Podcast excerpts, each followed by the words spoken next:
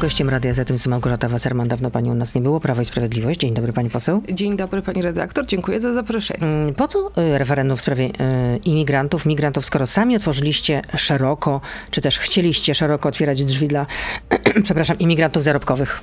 No pani redaktor, jest różnica pomiędzy y, osobą, która przyjeżdża tutaj do pracy, która posiada legalne dokumenty, która jak często w Krakowie i zaraz rozwinę ten temat jest wykształcona i ona pracuje, wynajmuje mieszkanie, mieszkanie, korzysta, nie wiem, z, z naszych restauracji, czy nie wiem, czy innych lokali użyteczności, a pomiędzy osobą, która przyjeżdża e, bez żadnych dokumentów, bez żadnej znajomości języka, bez żadnego zawodu e, i de facto tak naprawdę... Ale my nie wiemy, czy tak byłoby rzeczywiście. No przecież jednak Unia Europejska również ma narzędzia do tego, żeby to weryfikować. Pani mówi, że y, jest różnica między imigrantami zarobkowymi, którzy są weryfikowani, a tymi, którzy nie będą weryfikowani. Tak pani podejrzewa, no ale jednak MSZ wycofuje się z tego rozporządzenia rozporządzenia, które e, przygotowało, które no, miało e, no, w zamierzeniu otwierać drzwi dla nawet 400 tysięcy y, ludzi z zagranicy, y, z krajów również azjatyckich, Afryki, którzy mieliby tutaj przyjeżdżać i zarabiać. Pani redaktor, y, przede wszystkim... Interweniował jest, prezes Przede Kaczyński. wszystkim jest to kwestia techniczna, rozporządzenie techniczne. To jest pierwsza sprawa. Nie ma żadnej zmiany w przepisach w tym zakresie. Na ten moment mamy taką sytuację, gdzie mamy bardzo wiele osób, w samym Krakowie jest na przykład bardzo wiele osób z Indii, które u nas pracują. Są całe dzielnice dzielnice, gdzie ci to są ludzie wykształceni, to są ludzie pracujący w korporacjach, to są ludzie, którzy wynajmują mieszkania, wynajmują samochody, płacą... No i jak się odnajdują w, w Krakowie? Odnajdują się bardzo dobrze. To znaczy i ja muszę powiedzieć, że ja jestem przerażona tym, że można na takich ludzi chcieć jednak otwierać drogę do tego, żeby na nich się zaczął lać hejt. Są u nas... Ale dlaczego miałby się zacząć lać Dlatego, że jeżeli, e, jeżeli Donald Tusk zrównuje osoby, tak jak mówię, które są pochodzenia i których nie można zweryfikować e, ich tożsamości, wśród których mogą być po prostu mówiąc wprost terroryści. E, z ludzi, nie przesadza pani z tymi terrorystami, nie, nie, naprawdę. No. Pani redaktor, nie przesadzam, nie będę tego rozwijała tutaj, bo pewne informacje należą do, powiedziałam, informacji niejawnych. Proszę mi uwierzyć, otworzenie drzwi dla... Ale coś pani sugeruje, a nie może powiedzieć ale, ale to każdy ma, Pani redaktor, każdy ma wyobraźnię i każdy posiada wiedzę i może sobie wyobrazić, że jeżeli za, wpuszczamy falę imigrantów, co do osób, które nie mają... O, falę, nie, 1800 ale proszę mi pozwolić. Miałby być ale proszę, pani redaktor, wystarczy, że wśród nich będzie 10 osób, które będą miały za zadanie mm, zbudowanie siatki tutaj w Polsce, której na dzień dzisiejszy nie ma i służby mają wszystko pod kontrolą. Ale oceniajmy to po owocach. No popatrzmy, czy mamy w Polsce taką sytuację, od kiedy rządzi Prawo Sprawiedliwość i nie wpuściliśmy tutaj mm, nikogo y, po 2015 roku, dzięki Bogu wygrywając wybory. Czy mamy taką sytuację, że mamy budowane meczety, w których są spotkania, czy mamy wybuchy, czy mamy zamieszki? Proszę po, Nie, proszę. nie mamy, nie, nie mamy, no. ale to jeszcze w takim razie przypomnę, co napisała w mediach społecznościowych Iwa Johansson, unijna komisarz do spraw wewnętrznych Unii Europejskiej. Relokacja nie jest obowiązkowa, natomiast solidarność jest obowiązkowa i we wnioskach nie ma obowiązkowej relokacji, a biorąc pod uwagę, że w Polsce przebywa ponad milion uchodźców z Ukrainy, no to jest wysoce prawdopodobne, tak napisała pani komisarz, że zgodnie z negocjowanymi przepisami Polska sama kwalifikowałaby się do tego mechanizmu solidarności ze strony innych państw członkowskich. E, pani redaktor, po pierwsze... Robicie z igły widły w takim nie, razie. Nie, pani redaktor. Po pierwsze, jeżeli chodzi o panią e, Johansson, to ona dość często zmienia zdanie. Raz mówi o przymusowej relokacji, drugi raz mówi o tym, że e, niektóre kraje będą zwolnione, natomiast nasze doświadczenie uczy, iż jednak opierajmy się na przepisach i na decyzjach, a nie na uznaniowości, bo ze strony mm, różnych osób, które pełnią funkcje w Unii Europejskiej, niejednokrotnie dotyka nas, powiedziałabym, daleko idąca niesprawiedliwość. I mogę to powiedzieć z pełną stanowczością, jeżeli chodzi o te działania do tej pory. Pani poseł, ale skupię się na tym, że e, solidarność jest obowiązkowa, tak jak powiedziała pani komisarz. Czyli rozumiem, że na przykład jeżeli jesteśmy, mamy rodzinę i ktoś w tej rodzinie na przykład no, mm, popada w tarapaty, to my się odwracamy od niego z plecami. Tak? Niech radzi sobie sam. Nie będziemy podawać ręki ręki. W żaden sposób. Już kontynuuję. E, my żeśmy pokazali taką solidarność, że myślę, że wiele krajów w Europie nie słyszało o takiej solidarności, bo my żeśmy półtora roku temu nie czekali na, mm, powiedziałabym, żadne działania ze strony Unii, ani żadne pieniądze, które do tej pory wpłynęły w śmiesznej kwocie. Ale można wystąpić z wnioskiem o to, żeby te pieniądze Ale ja, napłynęły. myśl, ja myślę, że jeżeli Premier chodzi... tego nie zrobił. E, i Pani redaktor, e, premier podejmuje takie działania, które są dobre dla kraju. To nie i dobre które byłoby dla kraju złożenie wniosku o to, żeby przestać więcej, i które, więcej pieniędzy na i pomoc które dla są skuteczne. E, W tej sytuacji ja myślę, że e, my, występ, my występujemy o środki, które nam się należą. Jak wie pani wie, e, Unia Europejska bardzo często blokuje nam te pieniądze pod różnymi bzdurnymi pretekstami, wymyślonymi, nakłada na nas kary, które nie mają oparcia w przepisach. Tutaj na przykład odwołam się do Turowa i mówię to jako prawnik. To jest niebywałe, co tam się dzieje, jeżeli chodzi o... Ale w tej akurat w sprawie rozumiem, że premier od razu nie składa wniosku, ponieważ zakłada, że Unia Europejska znowu wywinie jakiś numer, tak? Mówiąc kolokwialnie. E, Pani redaktor, premier składa wnioski takie, które wynikają z aktualnych przepisów i aktualnej potrzeby. Złożył wnioski na ten moment. Unia przyznała nam środki, powiedziałabym, śmieszne w stosunku do tego, czego domaga się za mm, osoby, które przybywają, y, bym powiedziała, z Afryki czy z innych krajów dużo dalszych. Więc wracając do tej solidarności, my żeśmy tą solidarność okazali, mm, powiedziałabym, w sposób wzorowy.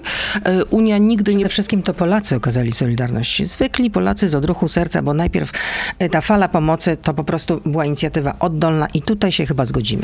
E, Ja myślę, że jak najbardziej, dlatego że choćby mogę powiedzieć uczciwie, że każdy z nas jako człowiek poszedł i zaniósł swoją cegiełkę, natomiast bądźmy sprawiedliwi. Jako państwo polskie robiliśmy i robimy bardzo dużo i powiedzmy sobie bardzo uczciwie, że oczywiście są kraje, które mm, dają więcej pieniędzy, na przykład Stany Zjednoczone, natomiast bez polskiego zaangażowania, bez polskich mm, mm, działań i powiedziałabym umożliwienia tych działań, ta wojna na takim etapie nie byłaby Jest możliwa. bezsporny, ale rozumiem, że y, mm, taka kampania antyimigrancka będzie y, osią sporów y, dla Prawa i Sprawiedliwości w tej Ale nie kampanii, my żeśmy tak? ten temat wywołali, pani Ale, ale, ale czytam w mediach, że będą spoty w ramach kampanii rządowej, że będą jakieś billboardy, które będą straszyć Polaków, że tutaj nas zaleje jakaś e, fala imigrantów. Ale ja nie wiem, czy pani mówi o tym spocie Donalda Tuska? Bo Nie, ja mówię o spotach, nie, nie, nie, ja mówię No, o tym, co ma przygotować Prawo i Sprawiedliwość, też rząd, no o tym ale donoszą media. Pani, pani redaktor, y, nie wiem, które media donoszą. Polaku, no, no to bym powiedziała tak, niech każdy wyciąga wnioski.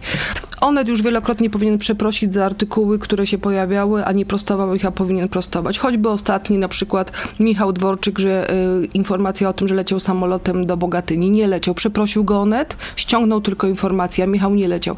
Więc może Ale ściągnął informację? Ściągnął informację. Dobrze, ale to znaczy można kogoś opluć i tak ktoś, ten, ktoś protestuje i mówi, że pójdzie do sądu, to bez słowa przepraszam ściągam i następnego dnia zawieszam następną i następną.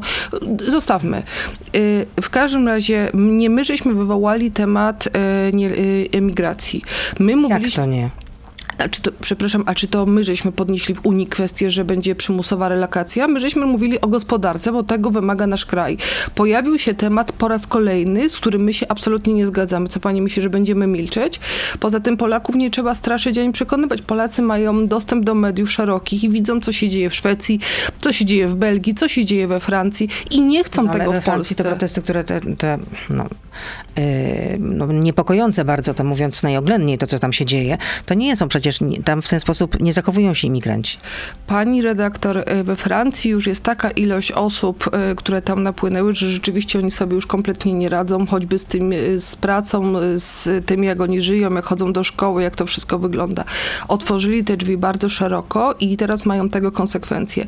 My jesteśmy otwarci, tak jak podają przeróżne źródła, my naprawdę jesteśmy bardzo otwarci, ale dla ludzi, którzy są zweryfikowani. No dobrze, to już pani mówiła. A w takim razie dzisiaj spotkanie jest w kancelarii premiera. Nie wszyscy tam się zjawią, jeśli chodzi o opozycję. Nie będzie tam Polski 2050, y, nie będzie też lewicy. Lewica mówi, że to jest temat zastępczy, który w ogóle nie istnieje. a Polska 2050 mówi, że przedstawimy nasze stanowisko panu, panu premierowi, ale nie będziemy uczestniczyć w jego spocie wyborczym. E, No to Polska 2050 razem z PSL-em to ma, powiedziałabym, PSL będzie. bardzo, ja powiedziałam razem, mają zasadniczy problem, bo to jest, wie pani, to jest tak, jak na potrzeby wyborcze łączą się dwa ugrupowania, które nie łączy ze sobą dokumentnie nic. To znaczy jedna partia wywodząca się, że tak powiem, z tradycji wiejskich i mm, z takich wartości e, konserwatywno-chrześcijańskich, a druga partia kompletnie powiedziałabym z takimi, z takim mm, nie wiadomo jakim programem, ale na pewno odskokami lewackimi. W związku z powyższym, jak jedno mówi A, to drugie mówi B. No i tak to wygląda niestety mm, w wielu kwestiach, tak również i tutaj e, w przypadku spotkania u pana premiera. A co się dzieje w sprawie Komisji do Badania Rosyjskich Wpływów? Ale to już zapytam w części internetowej. Jesteśmy na Facebooku, na Radio ZPL, na YouTube, więc proszę zostać z nami. Beata Lubecka, serdecznie zapraszam. To jest gość Radia Z. Przypomnę, że gościem Radia Z jest Małgorzata Wasserman, e, posłanka Prawa i Sprawiedliwości. Być może w przyszłości kandydatka na prezydenta Krakowa. O to też zapytamy za chwilę. No właśnie, ale teraz e, w sprawie tej Komisji e, do Badania Rosyjskich Wpływów, bo jest nowelizacja pana prezydenta i mieli być wskazani jacyś przedstawiciele do tej komisji i że to na tym posiedzeniu Sejmu, który się dzisiaj zaczyna, miało być rozstrzygnięte. Będzie? Trudno mi jest odpowiedzieć, nie wiem, czy będzie na tym po- posiedzeniu Bo sprawdzałam, co się dzieje w porządku obrad. Na razie to jeszcze, jeszcze porządek n- nie zatwierdzony. Być może już teraz jest, ale sprawdzałam dzisiaj rano. I póki co ani widu, ani Tak, słychu. ale jeszcze być może będzie konwent, będzie zmiana. Trudno mi na to pytanie odpowiedzieć. Na pewno uważam, że ta komisja jest potrzebna. Ja byłam zwolennikiem tej komisji od samego początku. Tej E, weryfikacyjnej również, którą pan prezydent jak, podpisał, naj, a potem jak odesłał do Trybunału. uważam, że tam była wywołana burza szklance wody i gdybyśmy przeanalizowali te przepisy, tam nie było niczego zupełnie nadzwyczajnego, czego polskie ustawodawstwo nie zna. Natomiast już przyzwyczaiłam się, zwłaszcza jak są wybory, że mm, można zrobić ze wszystkiego, mm, powiedziałabym, absolutną, y, bym powiedziała, niewartą tego burzę. To znaczy, Ale prawnicy wskazywali, że co najmniej jest 13 naruszeń konstytucji. W tej, y, w tej materii zabierały głos no, autorytety prawnicze, Pani takie tęgie głowy. Pani redaktor, jeżeli chodzi o Typu te... profesor Strzem- Strzembosz, profesor Łętowska, profesor Colno. Trudno im To są osoby, to, ja muszę pani profesjonalizmu. ale ja absolutnie im niczego nie odmawiam. Jedynej rzeczy, którą tutaj daję, bym powiedziała pod rozwagę, to jest to, że to są osoby, które niezależnie od tego, co się dzieje, zawsze są przeciwko Prawu i Sprawiedliwości i zawsze nas krytykują. Rację? Przypomnę tutaj choćby, a jestem uczennicą niektórych z nich, przypomnę tutaj, że e, na przykład to, czego mnie uczyli na prawie karnym na studiach na Uniwersytecie Jagiellońskim w przypadku katastrofy smoleńskiej wypowiadali inne słowa niż mm, na zajęciach i to mi wystarczy, powiedzmy, na tym, na tym zakończyła. Mm, Znaczy, że co, tak na, na zajęciach mieli inny pogląd w danej sprawie, a co innego Proszę mówili w sobie wyobrazić, że na przykład było to oczywiste, że samolot polski jest częścią państwa polskiego i musi natychmiast być sprowadzony do Polski. W momencie po 10 kwietnia już to nie było oczywiste i była, było mówienie, że nie wiadomo co robimy. Jak była mowa o tym, że sekcje zwłok są absolutnie obligatoryjne w przypadku tej śmierci nagłej, tak w przypadku Smoleńska uważano, że to jest bzdura, że chcemy otwierać trumny. No więc nie rozwijajmy tego, A Janusz, a, a Jan Zimmerman, profesor, coś pani to mówi? Mówi. mówi. Nie wiem, czy pani miała zajęcia z panem profesorem, bo... Pewnie e, tak, natomiast muszę powiedzieć, że jest z- też promotor w przeszłości I bardzo pracy nad- doktorskiej Andrzeja Dudy, Bardzo prezydenta. boleję nad tym, że y, z całym szacunkiem ogromnym dla pana profesora, że pozwala sobie na takie słowa w stosunku do urzędującego prezydenta e, i uważam, że to świadczy niestety źle o tym, dlatego że głowę państwa powinien szanować każdy e, i ja na przykład nigdy nie pozwalałabym, nie pozwoliłabym sobie na takie uwagi w stosunku czy to do Bronisława Komorowskiego, czy do Aleksandra Kwaśniewskiego.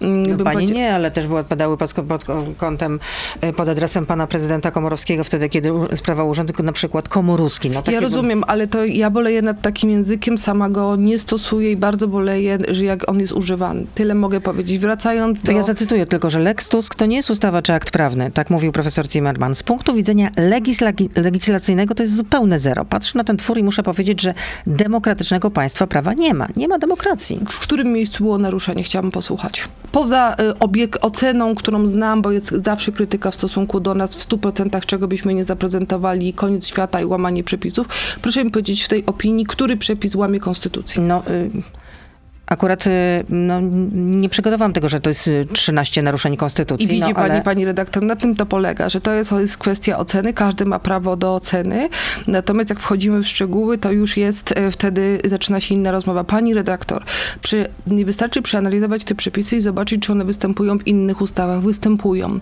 W związku z czym proszę mi powiedzieć, dlaczego tak, tych... ale jednak brak odwołania. y, Ale tam było odwołanie. Ale do sądu administracyjnego, który de facto przecież kto jak to, ale pani doskonale wie, że sąd administracyjny administracyjny nie przesądza o czyjejś winie czy nie winie, tylko sprawdzałby, czy dana decyzja została wydana zgodnie z prawem. Dokładnie tak. No właśnie, no to Ale no pani o tym wiele lepiej ja jako rozum- osoba prawnicza. Ja rozumiem, tylko że jakby jeżeli komisja wydaje decyzję, to sąd administracyjny decyduje o losie tej decyzji. W związku z powyższym, jeżeli ją uchyli lub jeżeli ją zmieni, no to taka jest treść tego orzeczenia. Poza tym proszę nie zapominać, że komisja nie... Poza tym to nie było tak, że Komisja e, nie miała odwołanie- nikogo skazywać. No No, dobrze, ale odwołanie do sądu administracyjnego nie oznaczało, że generalnie, że decyzja e, e, komisji e, jest zawieszona. Nie, ona obowiązywałaby Nie, do momentu redaktor, rozstrzygnięcia przez sąd Pani redaktor, y, można i to się robi bardzo często, że w momencie, w którym jest decyzja y, i ona jest prawomocna i taka decyzja zapada bardzo często, wnosi się skargę do sądów, jednocześnie pisząc się o y, zawieszenie jej rygoru i sąd wtedy decyduje, czy zanim rozpozna sprawę, to na przykład zawiesza rygor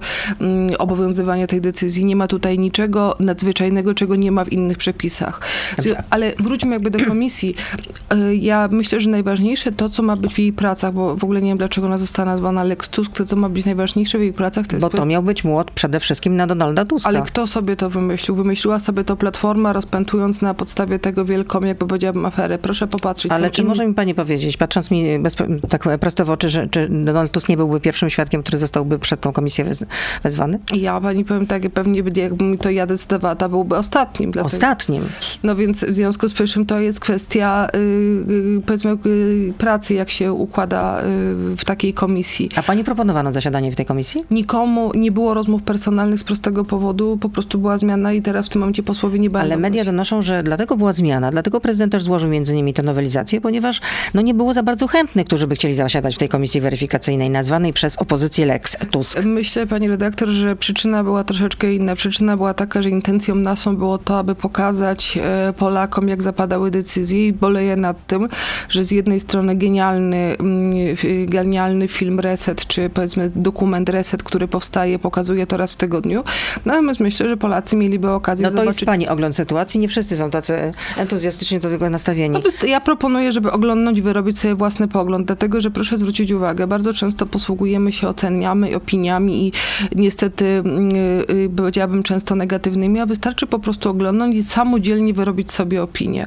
I tyle jakby w tym zakresie mam do powiedzenia. Chodzi Ale o to, tak że... się spieszyło, a teraz widać, że jest po prostu jednak y, no, jakaś przerwa, jakaś, no, jakiś impas chyba. No. Mm, Myślę, panie redaktor, że nie ma żadnej przerwy. Proszę mi uwierzyć, że przygotowanie czegoś takiego trwa i zawsze trwało. W związku z tym, e, no, A na czele komisji będzie profesor Cęckiewicz? ja nie potrafię na to pytanie odpowiedzieć. Zapewne pani słyszała, że Komisja Europejska opublikowała raport o praworządności w krajach Unii Europejskiej y, i o Polsce napisano tam, że y, utrzymują się poważne obawy związane z niezależnością polskiego sądownictwa. Poziom niezawisłości sędziowskiej jest bardzo niski. Doda- dodatkowo Komisja Europejska ma poważne wątpliwości, y, które dotyczą powołania kilku sędziów Sądu Najwyższego i funkcjonowania Trybunału Konstytucyjnego. No co ja mogę powiedzieć? Mogę powiedzieć tylko tyle, że Komisja Europejska bardzo wybiórczo ocenia te kraje i nie przeszkadza jej na przykład fakt, że y, pamiętam takie sceny, jak we Francji pacyfikowano protesty w sądach i tam używano przemocy fizycznej. Nie słyszałam, żeby ktokolwiek mówił o... mm, Używano przemocy Tam fizycznej? y, fizycznie wyszarpowano, widziałam takie obrazy z sali sądowej osoby i tam nie było żadnych... Ale przy, jakie, przy, przy jakich to było procesach? Y, Nie, nie, tam była kwestia zamieszek związanych, bo jak pani wie, tam dość często wybuchają niestety różnego rodzaju zamieszki i tam była kwestia związana z tym, że pacyfikowano protest sędziów. I tam dochodziło do szarpaniny. Takie przynajmniej relacje były w środkach masowego Był przekazu. protest sędziów i co? Sędziowie byli szarpani przez, przez tych, którzy wywołali Pani- zamieszki, czy przez y, policję? Tam była kwestia pacyfikowania ze strony władzy protestu sędziów. Ja mówię o tym, że media donosiły, że tam dochodziło również do pewnych przepychanek fizycznych. Jednym słowem, nie słyszałam żadnych wypowiedzi ze strony mm, y, urzędników unijnych, że pacyfikowanie protestu sędziów przez rząd francuski choćby, ja nie mówię tu o sile, mówię o, mm, o samych działaniach, że to narusza w jakikolwiek sposób przepisy. My żeśmy wielokrotnie tłumaczyli, mm, że nasze rozwiązania, one są powielane w wielu krajach. To nie miało żadnego znaczenia, dlatego że to Tylko, jest... że u nas jest trochę taka mieszanka wedlowska. No tak, tylko teraz pytanie jest, jeżeli chodzi o niezawisłość sędziowską, co ma na myśli tutaj, e, e, co mają na myśli osoby, osoby, które tworzyły ten raport, dlatego że jednak odczucie jest takie, że większość sędziów, która dzisiaj e, orzeka, jest w opozycji do Prawa i Sprawiedliwości, więc jeżeli mówią o bardzo niskim poczuciu niezawisłości i niezależności, no to jest pytanie od jest kogo? też y, część sędziów, która idzie ręka w ramię, w, e, ramię w ramię z Prawem i Sprawiedliwością. Ale e, pani redaktor, ja nie znam takich sędziów, ale też muszę przyznać uczciwie, że ja mogę powiedzieć bardzo uczciwie, że pracując wiele lat, ja nie miałam takiego odczucia. To znaczy, pracując głównie w Krakowie, mogę powiedzieć, że moje odczucie było takie, że to, gdzie kto przynależy, nie ma żadnego znaczenia dla wydawanych wyroków. I też nie zapominajmy o tej największej części osób pracujących w wymiarze sprawiedliwości, które powiedzmy sobie, że politykę mają zupełnie na mm, w którymś miejscu ja są w pracy, a pracują uczciwie, bo proszę zwrócić uwagę, no niestety jest w większości, że jeżeli coś jest jaskrawego, no to o tym mówimy. Natomiast to jest tak, że pewnie jest jakiś jedna skrajność, druga skrajność i pośrodku mnóstwo sędziów, którzy pracują po prostu No, bezstronnie i rozumiem, że pani z tym raportem pewnie się nie zgadza. No jeszcze musieli, musiałobyśmy to bardzo mocno, to, znaczy przejrzeć to od, od dechy do dechy, no bo na razie tylko opieramy się na tym, na e, wstępnych opisach, które pojawiły się w mediach, no ale sytuacja w Trybunale Konstytucyjnym chyba jednak jest niedopuszczalna, no że od lutego y, nie można zebrać pełnego składu, który mógłby przesądzić na tak albo nie, jeśli chodzi o ustawę w sprawie Sądu Najwyższego. Jest tam... Od której to przy, Czekamy na pieniądze KPO, oczywiście, tak. że I o tak. tym po raz kolejny powiedziała Wera Jurowa, wiceszefowa Komisji Europejskiej. Ja mogę tylko boleć, że taka sytuacja ma miejsce w Trybunale i również oczekuję na werdykt Trybunału i na uwolnienie pieniędzy z KPO. Ale po to była reforma w Trybunale Konstytucyjnym, po to y, tam wymienialiście również kadry, no zresztą y, jest pewna kadencyjność, w związku z tym wiadomo, że y, jedni sędziowie odchodzą, następni są wybierani przez parlament. No ale też była reforma Trybunału Konstytucyjnego, to miało hulać, tam praca miała furczeć, a tutaj mamy sytuację z totalnym y, impasem. Pani redaktor, jak widać, ja zawsze tak twierdziłam, że y, o tym, jak wygląda wymiar sprawiedliwości, decydują ludzie, dlatego że jak jest y, nawet słaba ustawa, ja nie mówię o tej, tylko w ogóle jak jest słaba ustawa, są osoby, które są mądre, to potrafią dokonać jej bardzo dobrej interpretacji, takiej korzystnej i takiej przede wszystkim, która daje poczucie sprawiedliwości społecznej. Ja mówię o przepisach, ja nie mówię o polityce w tym momencie. Natomiast y, ja również boleję nad tym, że tak to wygląda, ale To przy znaczy, że w, w Trybunale Konstytucyjnym nie zasiadają osoby mądre. To, to ja powiedziałam, bo pani mówi o rozstrzygnięciach takich systemowych, a ja teraz miałam na myśli na przykład... No, że litera prawa to jedno, ale o tym też przesądzają y, y, ludzie. tak, tylko ja rozumiem, No to- że to tam nie ma... Spo, ja rozumiem, że tam nie ma... ludzki zawodzi, tak? To znaczy, no oczywiście, jeżeli, jeżeli jest taka sytuacja, w której tam e, jest spór i nie potrafią go rozstrzygnąć, to jest, jest to czynnik ludzki. No walka bulldogów pod dywanem po prostu. Trudno mi powiedzieć, patrzę na to z ubolewaniem. No bo jedny, jeśli od tego jednak zależy, od, od rozstrzygnięcia w tej sprawie zależą nasze środki z KPO, te, te pieniądze są już na, nam potrzebne, tak czy nie? Są. I o tym wielokrotnie mówił premier, potem się z tego wycofywał, potem znowu mówił, że są potrzebne. No tutaj Znaczy, panie zdanie. każde pieniądze zawsze są potrzebne, bo potrzeby są ogromne. No co będziemy mówić inaczej? No właśnie. Czy wystartuje Pani w wyborach y, na prezydenta Krakowa? Ja wiem, że czas jest jeszcze odległy, bo to mm, kolejne pół roku po wyborach, ale no już takie mm, sondaże się pokazują. Kto miałby ewentualnie szansę i był taki sondaż jakiś czas temu, z którego wynikało, że miałby na to szansę największej w pierwszej i drugiej turze, w drugiej zmierzyłby się z panią. Łukasz Gibeła, który jest radnym Krakowa, w przyszłości był w Platformie Obywatelskiej, był w ruchu Palikota, w partiach Palikota, a teraz jest szefem Stowarzyszenia Kraków dla Mieszkańców. Pani redaktor... No i ma być pewniakiem. Y, y, Pani redaktor, ja y, szanuję każdą osobę, która ewentualnie będzie startowała i pewnie każdego należy traktować poważnie, natomiast przed nami są wybory parlamentarne i ja, i ja i moi koledzy i koleżanki skupiamy na tym swoją uwagę. Do wyborów samorządowych jest jeszcze daleka droga i nie ma, u nas nie ma jeszcze, przynajmniej mnie nie są znane mm, y, kształty list do parlamentu, więc co dopiero kandydatury do wyborów samorządowych, które będą na wiosnę. Czyli najpierw wybory, a potem się zobaczy. No, siłą rzeczy to tak jakbyśmy dzisiaj decydowali, kto będzie kandydatem za 4 lata albo kandydatem za 2 lata na prezydenta. No nie ma takich decyzji. Ale jest to pani jakieś takie prywatne marzenie, na przykład, żeby być prezydentką, prezydentem Krakowa? po pierwsze prezydentem. Bardzo nie lubię, jak do mnie się mówi yy, Dlatego, że ja uważam, że są pewne y, zawody, które wymagają y, takiej funkcji i tak zawsze się mówiło. Zawsze był sędzia, adwokat, poseł, Konserwatystka. konserwatystka i tego nie zmieni. Językowa. Język, akurat w tym zakresie. Te, Ale, ale nie pani nie czuje się pani obra- obrażona, jak mówię, m, Nie. że posłanka jest naszą... Nie, obrażona nie, tylko mówię, że Naszym mnie gościem. bardziej brzmi lepiej poseł. Ale to już jest jaśnienie. ja takie prezydent Krakowa. O takie rzeczy się absolutnie nie obrażam, to są drobnostki.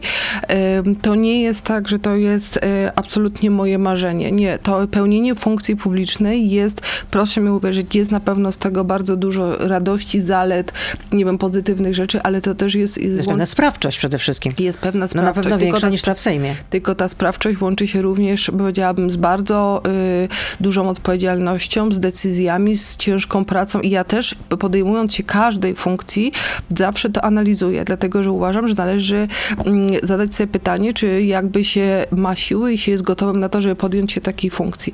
W związku z powyższym na to pytanie będziemy o, dotyczące miasta Krakowa odpowiadać pewnie za kilka miesięcy. A skąd ten fenomen Łukasza Gibały?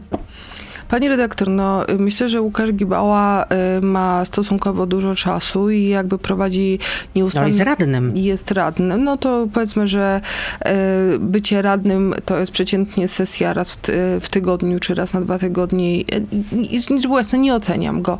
Mogę powiedzieć jedną rzecz. Chciałabym dzisiaj zapytać y, ewentualnie y, Łukasza Gibały, do, co on dziś, do dzisiaj zrobił dla miasta Krakowa. Ponieważ do tej pory w zasadzie poza krytykowaniem pewnych rozwiązań, ewentualnie chwaleniem się mm, y, rzeczami, które są w Krakowie, ale na które absolutnie nie miał wpływu, on nie pokazał nic. On na przykład krytykuje prezydenta Majchrowskiego za współpracę ze mną. Tylko proszę mi powiedzieć, jaka jest perspektywa dla przyszłego prezydenta, który mówi tak, jak będzie rząd, który mi się podoba, to ja wezmę pieniądze dla Krakowa. Ale jak będzie rząd, który mi się nie podoba, to ja z takimi ludźmi rozmawiać nie będę. Miliony, miliony złotych przez te cztery lata dla miasta Krakowa, które popłynęły z rządu. Proszę mi powiedzieć, czy odpowiedzialny funkcjonariusz publiczny, człowiek, którego wybrał naród, będzie się zastanawiał, kto rządzi tu, czy kto rządzi tu, czy będzie się zastanawiał, jak zrobić drogę, szpital, szkołę, że gdyby pani halę. została prezydentką Krakowa, a sta- wydarzyłoby się, że ym, rząd będzie opozy- s- składać się z przedstawicieli opozycji, to pani będzie współpracować z takim rządem. E, Ale oczywiście, dlatego że mieszkańcy Krakowa podejmują, potrzebują y, żyć normalnie i jakby funkcjonować i nie wiem, y, robić inwestycje i inne rzeczy. No polepszać tego- ich byt. Oczywiście, Mówiąc tak oczywiście, więc, więc ja bym powiedziała, tak zadziwiają mnie te wypowiedzi niektórych, którzy mówią, że to jest e, w ogóle zdrada i jak można coś takiego robić. Przecież to jest robione dla ludzi. My miniemy wszyscy, a to wszystko zostanie dla, i powiedziałabym, dla ludzi, którzy to myślą, łącznie z Dla łącznie z potomnych, na- I dla, dla nas też, bo potomnych. my też tymi drogami jeździmy. Zasiłek pogrzebowy ma zostać podniesiony przed wyborami, zapowiada Jacek Sasin. Dlaczego akurat teraz? Przecież 8 lat rządziliście. No nie, no, ale to można powiedzieć, no tak można zadać pytanie pani redaktor co do każdej rzeczy. No jest pewna kolejność i jakby powiedzmy te rzeczy, te ustawy Ale wpływa. akurat przed wyborami. No, No nie, poseł, no ale, jednak, to, no, ale to proszę powiedzieć, czy w tej sytuacji powinien być, akurat to jest taki smutny zasiłek, więc powiedzmy sobie, że e, e, nie wiem, czy ktoś z żyjących się będzie z niego cieszył. E, e, natomiast e, jest pewna kolejność, no i po prostu wprowadzamy pewne ustawy i można powiedzieć tak to co, na pół roku przed wyborami, czy trzy miesiące już No nic. tylko, że można było to zrobić na przykład z początku kadencji. No przecież...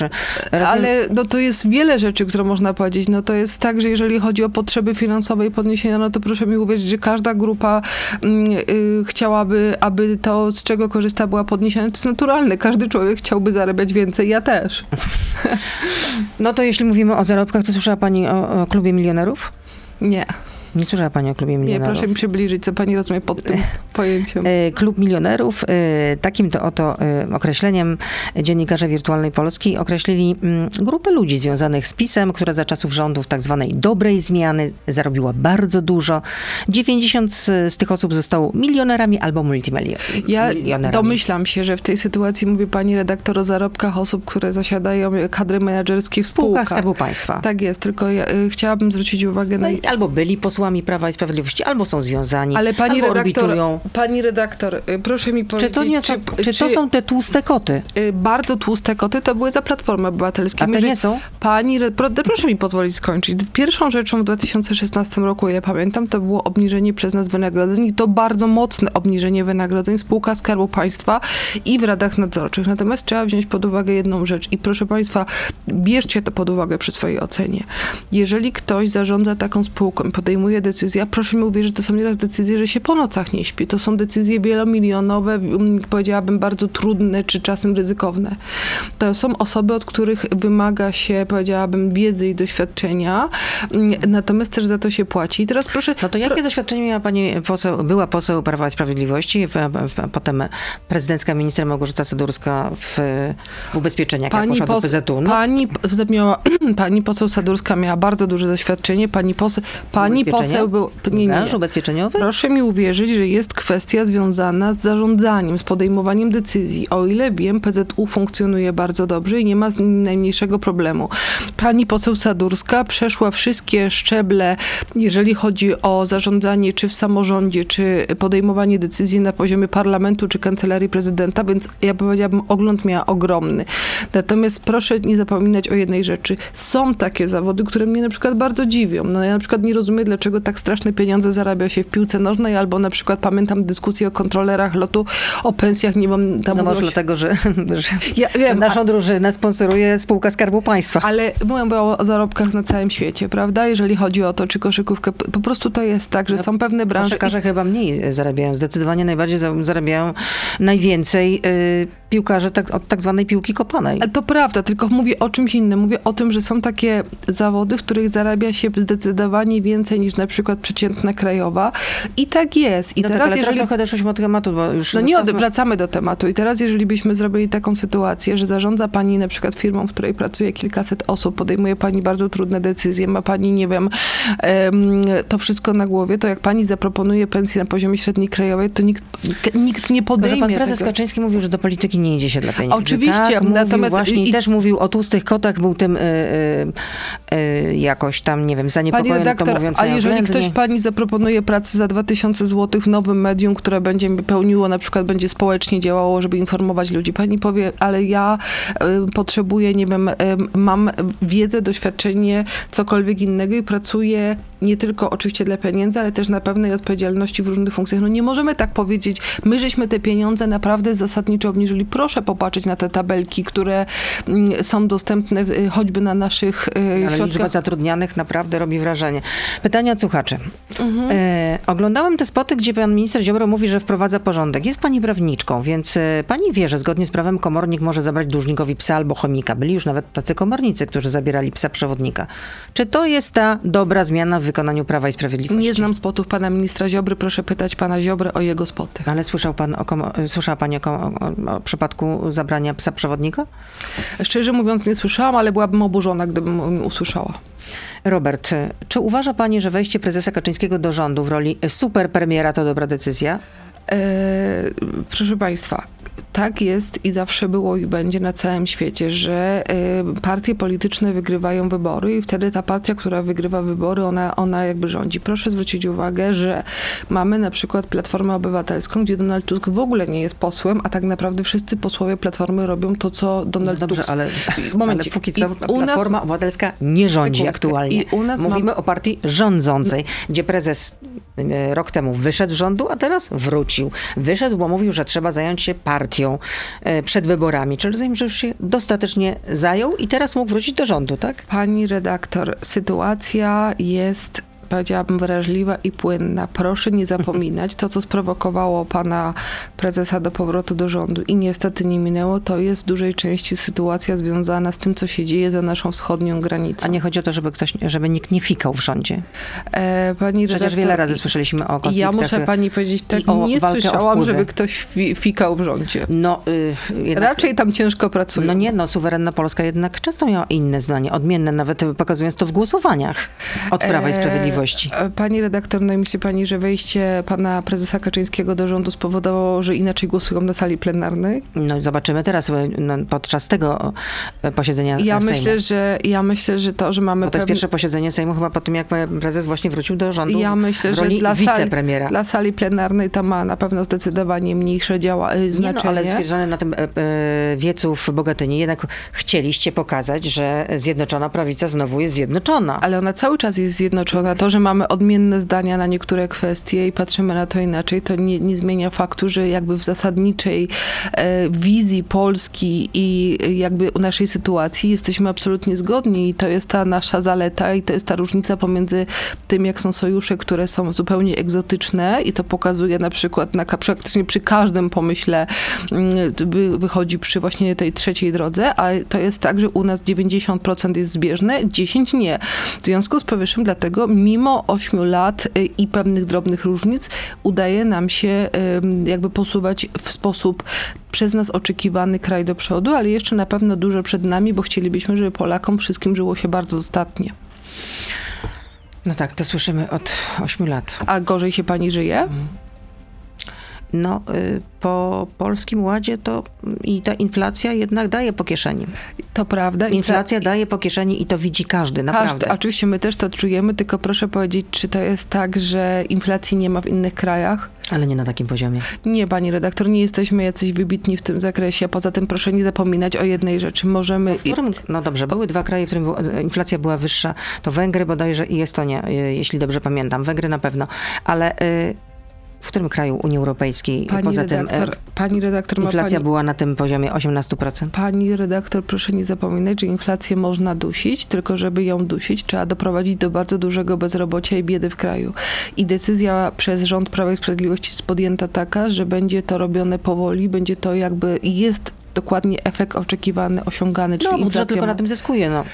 Wpływy z VAT-u na pewno są większe. E, e, pani, Taka, takie są realia. pani redaktor, m- natomiast mamy 5% bezrobocia i proszę o tym nie zapominać. I dlatego potrzebujemy też migrantów. Ale ja nie powiedziałam, że nie potrzebujemy. Ja bym powiedziała więcej. Oni naprawdę w Krakowie wykonują, ja mogę mówić o moim mieście, wykonują bardzo dobrą, y, bardzo dobrą pracę i bardzo dobrą, bym powiedziała, spełniają rolę. Po wywiadzie y, Manfreda Webera pani środowisko polityczne dostało wzmożenia, że Niemcy chcą nameblować władzę. To y, wczorajsze słowa Giorgi Meloni, premier Włoch, że lepsza dla Europy byłaby wygrana PiSu, jest próbą wpływania na wybory przez Włoch, czy nie jest? E, Pani redaktor, y, jeżeli chodzi o. Proszę nie zapominać, kto dominuje i rządzi w Unii Europejskiej i czyje decyzje tam są, by powiedziała, kluczowe, za które płacimy bardzo, powiedziałabym, wysoką cenę. Niektórzy na przykład przelewają krew e, w wyniku przepływu gazu niepohamowanego pomiędzy Rosją i Niemcami. I tutaj ostrzegaliśmy wielokrotnie, jakie mogą być tego konsekwencje, i dzisiaj one są. Przypominam, że to Niemcy narzuciły Ale politykę. kto przelewa krew, przepraszam? A co na chodzi? Ukrainie, co się dzieje? Ale to jest, przepraszam, to, że wybudowano Nord Stream, to jest... y, mm, A z czyich pieniędzy, a z jakich pieniędzy, a z jakich Ukrainie, tak? pieniędzy Putin dzisiaj finansuje to wszystko? Kto go przyjmował na salonach i kto pozwolił mu pozbudować taką potęgę finansową, która daje mu możliwość prowadzenia tej wojny? Przecież y, to Ale jest... moje pytanie było, czy e, słowa Giorgi Meloni wpływają ewentualnie, są próbą wpływania na, czy też wpływaniem na wynik wyborów e, w Polsce? Nie sądzę, żeby było jakimkolwiek próbą wpływania, ponieważ Giorgia Meloni nie posiada takiej władzy i sprawczości w Unii Europejskiej, jaką posiadają Niemcy. Ale Manfred Weber nie jest e, ani premierem, no jest szefem Europejskiej Partii Ludowej. I Chcę zwrócić uwagę na to, że e, w zasadzie większość tych decyzji, które, czy słów krytyki, które płyną pod naszym kątem, czy dla, do naszego kraju, to są mm, osoby, które są związane z tym ugrupowaniem, czy osoby, czy mówiąc wprost politycy niemieccy. I to Niemcy narzucają tą hegemonię. Przypominam jeszcze jedną rzecz. Poza gazem kluczowym, przypominam, politykę otwartych drzwi. I dzisiaj Niemcy zafundowały Europie problem związany z nielegalną imigracją i dzisiaj próbują Niemcy po raz kolejny odciążyć swój kraj i przerzucić tych ludzi na inne kraje. W związku z powyższym mm, y, jest to zasadnicza różnica. A my mówimy, radźcie sobie sami. Czy jest pani zadowolona z konsekwencji, jakie poniósł Donald Tusk po zakończeniu komisji, prac Komisji do spraw Amber Gold i dlaczego nie poniósł żadnych? E, Pani redaktor, Takie to oto pytanie. Ja już, państw, już odpowiadam na to pytanie.